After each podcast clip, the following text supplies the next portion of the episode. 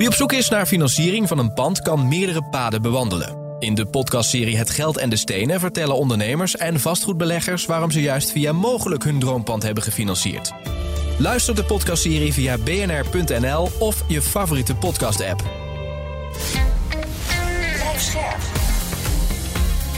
BNR Nieuwsradio. Vastgoed gezocht. Maarten Bouwhuis en Maarten de Gruiter. Naar de 100.000 nieuwbouwwoningen per jaar was nog niet zo lang geleden het doel. Maar dat is een ambitie die steeds verder uit het zicht raakt. Er wordt namelijk steeds minder nieuwbouwvergunningen uitgegeven. De vraag van deze week: wat is er eigenlijk nodig om dat probleem op te lossen? Dit is BNR Vastgoed Gezocht, jouw wekelijkse update over de wereld van de stenen. Je hoort ons natuurlijk elke maandagmiddag om half vier en in de avond om zeven uur op BNR. Of gewoon uh, online via de app of je eigen podcastspeler. Een nieuw seizoen dus. Ik hoop dat je genoten hebt van onze zomerafleveringen. Maar we zijn er weer. En natuurlijk ook met de vertrouwde stem van Maarten de Gruiter. Dag Maarten, hoe is het? Ja, dag Maarten. Nou, ik heb je gemist deze zomer. Ja, nou een paar appjes heen en weer met de vakantiefoto's. Maar we mogen de inhoud weer in. Ja, is toch fijn? Ja, dat is, ja, dat is een beetje ons licht doen schijnen over de vastgoedmarkt in Nederland. Dat is toch, uh, zal iedereen gemist hebben. En dat is hard nodig, want uh, uh, ja, wij bleven wel appjes met elkaar sturen met opmerkelijke nieuwsberichten. En het laatste nieuwsbericht wat jij mij stuurde ging over Bouwinvest. en dat gaat over huurders met een huis van Bouwinvest die jarenlang te veel huur hebben betaald. Wat is er aan de hand? Ja, nou, is al, het wordt door de, in, in uh, vastgoedjournaal wordt het genoemd een atoombom uh, die het faillissement van partijen kan betekenen. Nou, ik denk dat het inderdaad wel een hele heftige uitspraak is. Wat er eigenlijk speelt is dat um, Bouwinvest in hun huurcontracten hadden ze eigenlijk twee huurverhogingen staan. Enerzijds een inflatieindexatie. dus dat betekent feitelijk dat je huur verhoogd wordt met de inflatie.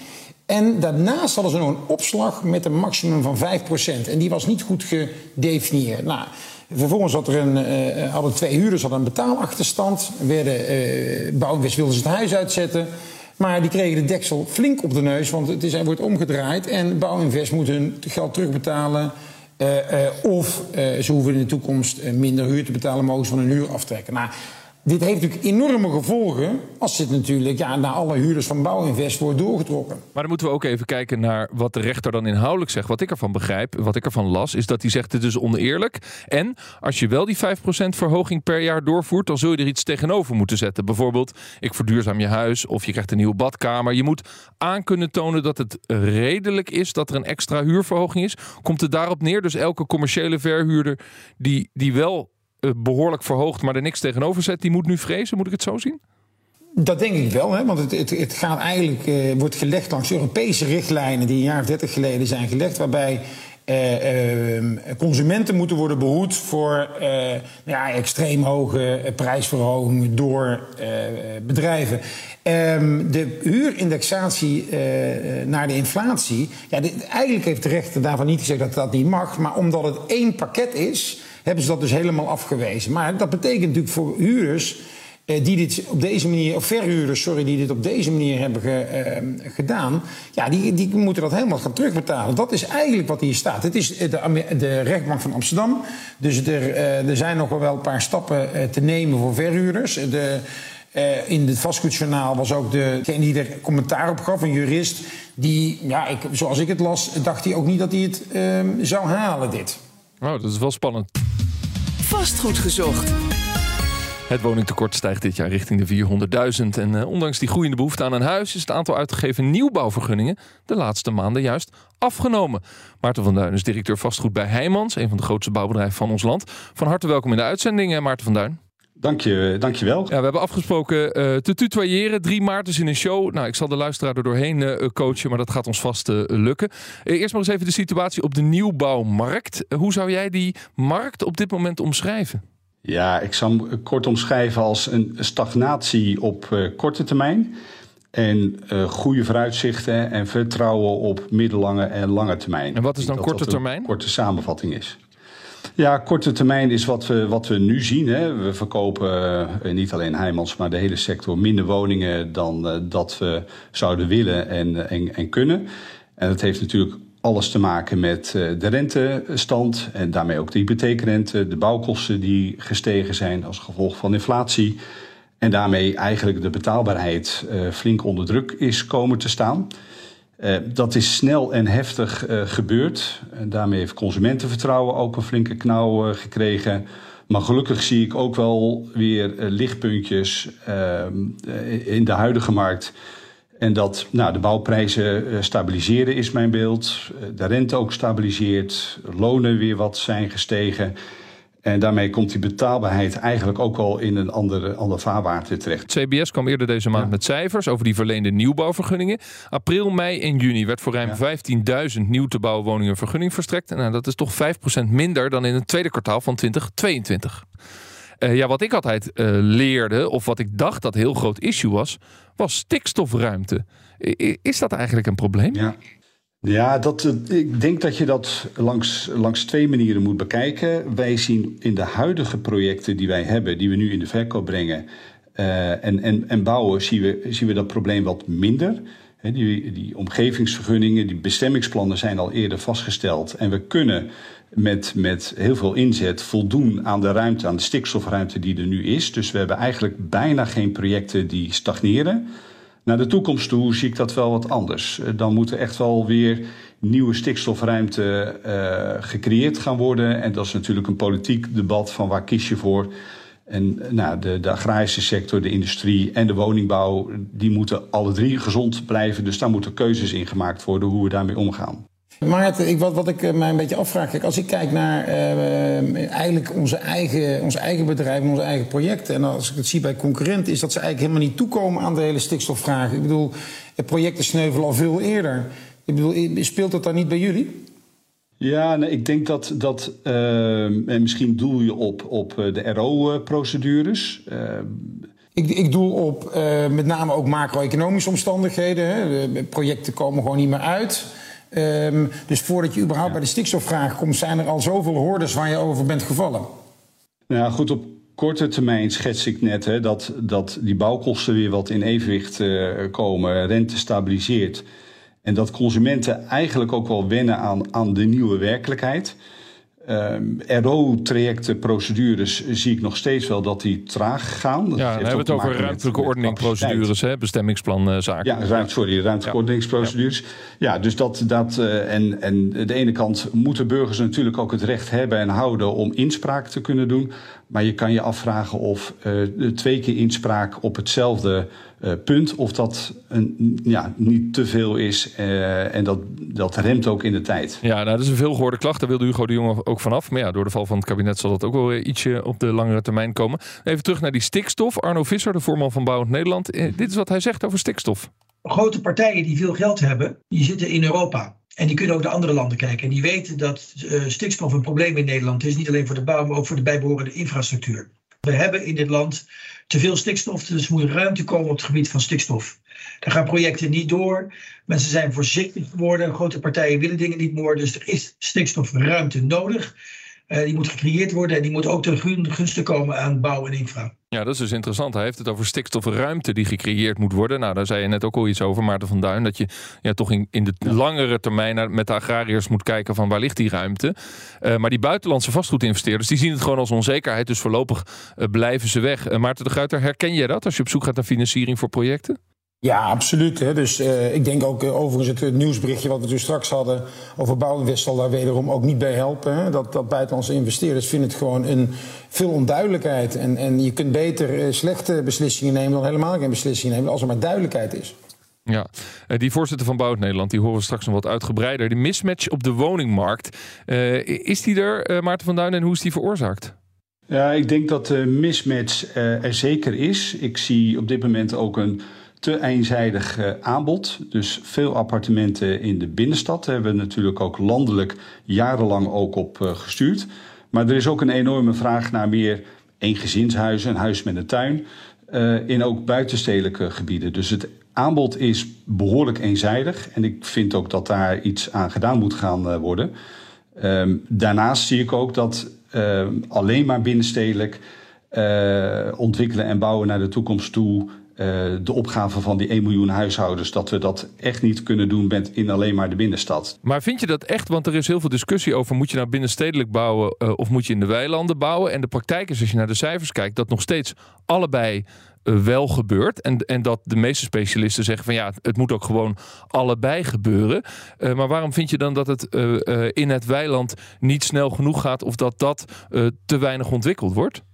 Nou, ik, ik, ik, wat ik zie is dat de hoeveelheid locaties in de buitenstedelijke gebieden... dat die uh, nou, steeds verder, verder uh, teruggaan. Dus het aantal van dat, dat soort locaties. En daarmee voorzie ik naar de komende jaren... dat we die 1 miljoen huishoudens echt niet kunnen ontwikkelen en bouwen... met alleen of hoofdzakelijk de binnenstad. Dus ik pleit wel voor en de binnenstad en de buitenstedelijke locaties...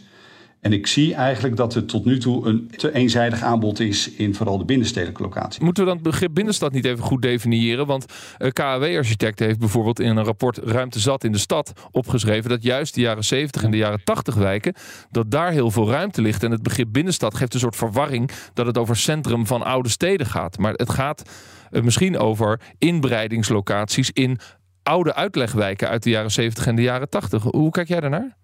Ja, in, in mijn definitie van binnenstad hoort dat er ook bij. Hè? Dus ook de transformatiewijken. Dus dat bij elkaar op. Het is niet alleen maar centrumlocaties, maar ook de transformatiewijken. Dat, zo zie ik het even in mijn definitie van, eh, van eh, binnenstad. Maar daarnaast, de, de, de buitenstedelijke locaties, heb je ook hard nodig om ja, meer gedifferentieerd aanbod aan te kunnen bieden. En ook om te voorzien in die totaal 1 miljoen huishoudens. Ja, Maarten, de Guiter? Ja, nou, wat, ik interessant vind is, want we hebben het over te weinig differentiatie in het aanbod. Maar eigenlijk is op alle uh, soorten typologie is een tekort. Dus ik heb altijd zoiets van, joh, moet je niet gewoon bouwen wat je kan bouwen? Want er is een tekort eigenlijk aan alles, behalve misschien sociale woningen. Ja, ik, ik ben het er helemaal mee eens. Dus meer gedifferentieerd aanbod. Dat heb je ook nodig om een goede doorstroming uh, te creëren in de markt. Dat heb je ook nodig om gedifferentieerde wijken uh, te maken en daarmee ook gezonde leefomgeving. Dus ik ben het daar heel, heel erg mee eens. En mijn punt is, ik zie dat het aanbod nu uh, behoorlijk eenzijdig begint te worden. Ja, precies. Dan nog even naar een ander aspect wat ook te maken heeft met bouwen in de buitengebieden. Ook een partij als Heijmans en ook een aantal andere grote bouwers hebben ook strategische grondposities in die buitengebieden. En daar schrijven jullie ook gewoon over in het jaarverslag en soms moet je daar dan op afboeken. Uh, is het ook niet een dubbel belang dat als je pleit voor bouwen in het buitengebied, dat het bijdraagt aan, de, aan je eigen grondpositie en dat het voor jullie dus onaantrekkelijk is om in die binnensteden meer te moeten ontwikkelen? Uh, onze portefeuille is zowel binnenstedelijk als uh, buitenstedelijk. Dus als je het hebt over belangen, hebben we bij beide ook een uh, belang. Daarbij in buitenstedelijke locaties hebben ook overheden grondposities, het Rijk, gemeentes, corporaties, beleggers en ook partijen zoals Heijmans. Ja, precies. U zegt we zitten in beide, dus dat maakt voor mij niet uit. Maar ik kan gewoon alleen in dat buitengebied voldoende tempo maken. Ja, in het buitengebied kan je sneller en beter uh, geïndustrialiseerde, geprefabriceerde, uh, goede, duurzame woningen ontwikkelen die ook nog betaalbaar zijn. Dus in die buitenstedelijke locaties zie ik meer kansen om uh, tempo te maken. Ja, een van de redenen dat het tempo ook moeilijk is, zijn de procedures. En die procedures liggen bij de overheden. En dan zie je weer dat overheden kampen met een enorm personeelstekort, zowel uh, bij de uh, provincie als natuurlijk bij de gemeente. jullie hebben in Leusden een samenwerking opgezet, waarbij je als bedrijf een stuk van het werk van die overheden hebt overgenomen. We hebben er vaker over gesproken in BNR Vastgoed gezocht. En dan, en dan hoor je toch ook wel vaak gemeenten en overheden die zeggen, ja, dat willen we niet, want dat is wel van ons. Wat hebben jullie in Leusden wel kunnen doen als bouwer? Ja, kijk, een gemeente zoals Leuzen heeft niet een heel ambtelijk apparaat om uh, constant grote uh, woonwijken te ontwikkelen. Dus daar hebben we de, de samenwerking gezocht. Uh, de gemeente brengt uiteraard bestemmingsplannen in procedure. dat is de taak en de verantwoordelijkheid van de gemeente. Maar wij hebben als Heijmans heel veel onderzoekswerk gedaan. Uh, archeologie, berekeningen, et cetera. Uh, die ook nodig zijn om een bestemmingsplan. Dus wij hebben eigenlijk het werk verdeeld en ieder in zijn eigen rol gelaten. Nogmaals, de gemeente is en blijft verantwoordelijk voor de, de procedure, maar alles wat eromheen zit. Ja, daar heeft Heijmans heel veel werk in verricht. Dat is wel werk wat er bij andere projecten normaal niet gedaan wordt. Dus, dus het is wel een andere taakverdeling dan wat je gewend was. Ja, ik zie bij heel veel gemeentes dat zij alles willen doen. En dat in combinatie met Ja, een tekort aan capaciteit, dat, dat leidt over het algemeen niet tot snelheid. Dus ik pleit heel erg voor dat voorbeeld in Leusden, dat we dat bij veel meer gemeentes gaan, uh, gaan doen. En niet alleen maar wij, maar gewoon alle, alle marktpartijen. Ja, dat is wel interessant, uh, want wellicht zou dat iets kunnen, kunnen doorbreken. Uh, en wat is de reden dat andere partijen dat tegenhouden als je dat dan voorstelt? Van joh, kom eens in Leusden kijken hoe we dat gedaan hebben? Nou, er zit toch soms wel eens wat, wat, wat, wat schroom hè, van een marktpartij die helpt om wat normaal door een gemeente gedaan wordt, om dat werk uit handen te nemen. Dus dat heeft echt veel te maken met, met vertrouwen, transparantie. Um, ja, en ik denk dat, dat de goede voorbeelden in de landen, en Leus is er een van, er zijn er nog wel meer, maar nou, tot inspiratie kunnen leiden om dat ook bij andere gemeentes te doen. De Guiter? Ja, mijn gevoel is juist dat, dat, dat uh, veel marktpartijen dit juist heel graag willen, maar dat eigenlijk gemeentes er eigenlijk bijna nooit voor openstaan, omdat juist het vertrouwen van die kant, van de, vanuit de overheden naar de marktpartijen, juist zo slecht is. Nou ja, dat is waar dit, waar dit inderdaad eh, over gaat. En Leuzen is dan een voorbeeld. Nou, wellicht goed om dat eh, breder uit te dragen. De stokkende nieuwbouwproductie, daarover gaat het in deze aflevering van Vastgoed Gezocht. Bij Bouwend Nederland uh, zien ze dat het onweer is. Je hoort Arno Visser, de nieuwe voorzitter van Bouwend Nederland. Weet je, als je in een auto stapt en door het land rijdt, dan zul je ongetwijfeld een heleboel bouwplaatsen zien waar gewerkt wordt en waar gebouwd wordt. Vooral afgebouwd wordt. Uh, maar dan moet je niet vergeten dat dat projecten zijn die afgebouwd zijn, die 10, 15 jaar geleden zijn gestart. Maar, zegt Visser. Het is veel belangrijker om te kijken naar wat er nu aan vergunningen wordt afgegeven en nu wordt opgestart. En dan zie je een hele andere trend. Waar de kerstverse voorman van Bouw het Nederland zich met name aan stoort, dat zijn de lange aanlooptijden van nieuwbouwprojecten. Regelmatig duurt het 10 tot wel 15 jaar voordat een project wordt opgeleverd.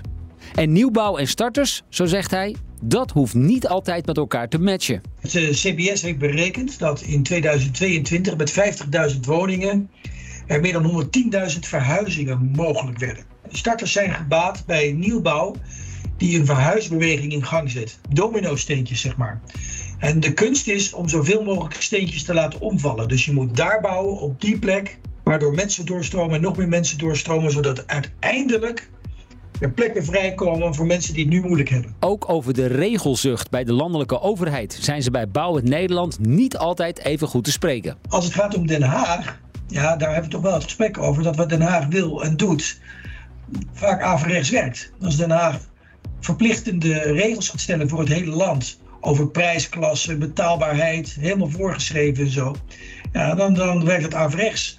Als Den Haag strenge regels maakt voor de huurmarkt, waardoor het minder interessant wordt voor beleggers om projecten te ontwikkelen, ja, dan werkt dat averechts. Over de belangrijkste oplossing, daar hoeft Visser in ieder geval niet lang over na te denken. Locaties, locaties, locaties.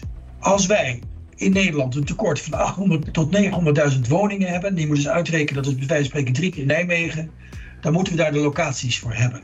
En die locaties en die woningen moeten beantwoorden aan wat mensen willen. We hebben uitgerekend, je kan met een straatje erbij, in iedere dorp en gemeente kan je er komen. Maar je zult ook een aantal grotere locaties moeten ontwikkelen met de infrastructuur eh, die erbij hoort. Juist, Arno Visser was dat van Bouwend Nederland in de bijdrage van John van Schagen. Ik praat verder met eh, Maarten van Duin, directeur vastgoed bij Heijmans. En ook Maarten de Gruiter, projectontwikkelaar, is natuurlijk bij ons. Ja, heren, ze zeggen, uh, Arno zegt locaties, locaties en locaties. Is het zo simpel, de Gruiter? Nou, in ieder geval, is de kracht van herhaling. Hè. Wat, wat er gezegd werd net is natuurlijk... Uh, ja, ik ben het met alles eigenlijk wel eens.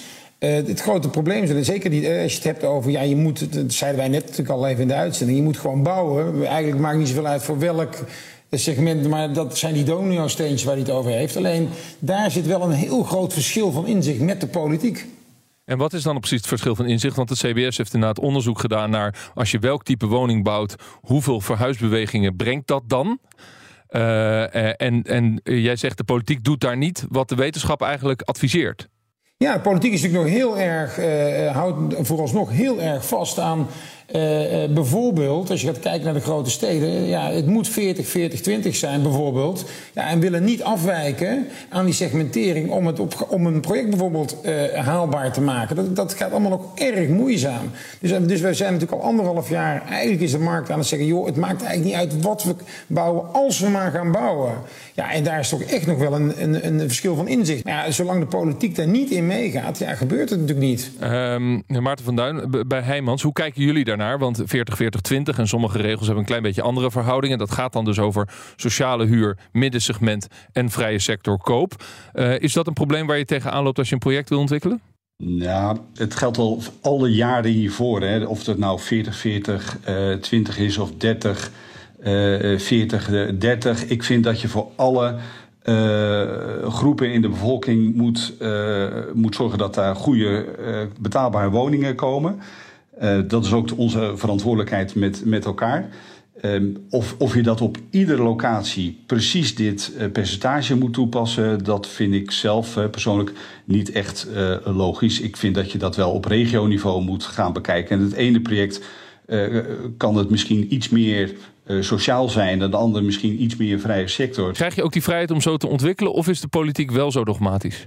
Dat verschilt een beetje per gemeente, eh, maar ik, ik kom ook wel uh, gemeentes tegen die daar vrij dogmatisch in zijn. En dat, dat, uh, dat beklemt wel een bepaalde business case. En een andere business case, een andere locatie, zou misschien wel wat meer kunnen gebruiken. Dus ik vind dat je het ja. misschien iets flexibeler mee om moet gaan, maar wel bouwen voor alle doelgroepen. De Guiter? Nou, de, de, de, begin van het antwoord net van Maarten was natuurlijk mooi politiek correct, zoals het een beursgenoteerd bedrijf betaamt. Maar eh, daar zit nou juist het verschil in dat er in het verleden het wel kon, hè, dat we dat hebben gedaan. Natuurlijk moet er voor iedereen gebouwd worden, natuurlijk moet er voor alle segmenten gebouwd worden. Maar het probleem zit er nu juist dat we in die perfect storm zitten, waar het gewoon een heleboel dingen niet uit kunnen. En dat is het moment dat je moet zeggen, jongens bouw alsjeblieft wat wel uit kan. Dat is wat ik bedoel. En zodra je weer in een normale toestand zit, ben ik het er helemaal mee eens. Hartstikke goed dat je segmenteert. Juist. Uh, dus dan kunt daar net een beetje anders naar kijken vanwege de situatie waar we nu in zitten. Tot slot, jullie zijn recent een nieuwbouwproject gestart in Zutphen. Uh, waar op dit moment nog maar 50% van de woningen uh, verkocht is. Althans verkocht was toen jullie starten met bouwen. We weten in de bouwwereld normaal is dat 70%, want anders ga je niet aan de slag. Dat is een van de problemen bij de vorige crisis in 2009, 2010. Waardoor heel veel projecten niet van start kwamen. Jullie hebben nu gezegd dat veranderen we. We gaan daar aan de IJssel, je kunt daar overigens prachtig wonen, wel bouwen. Terwijl maar 50% van mijn project verkocht is, Maarten. Dat klopt. En we zitten inmiddels al op, ik denk 65 procent.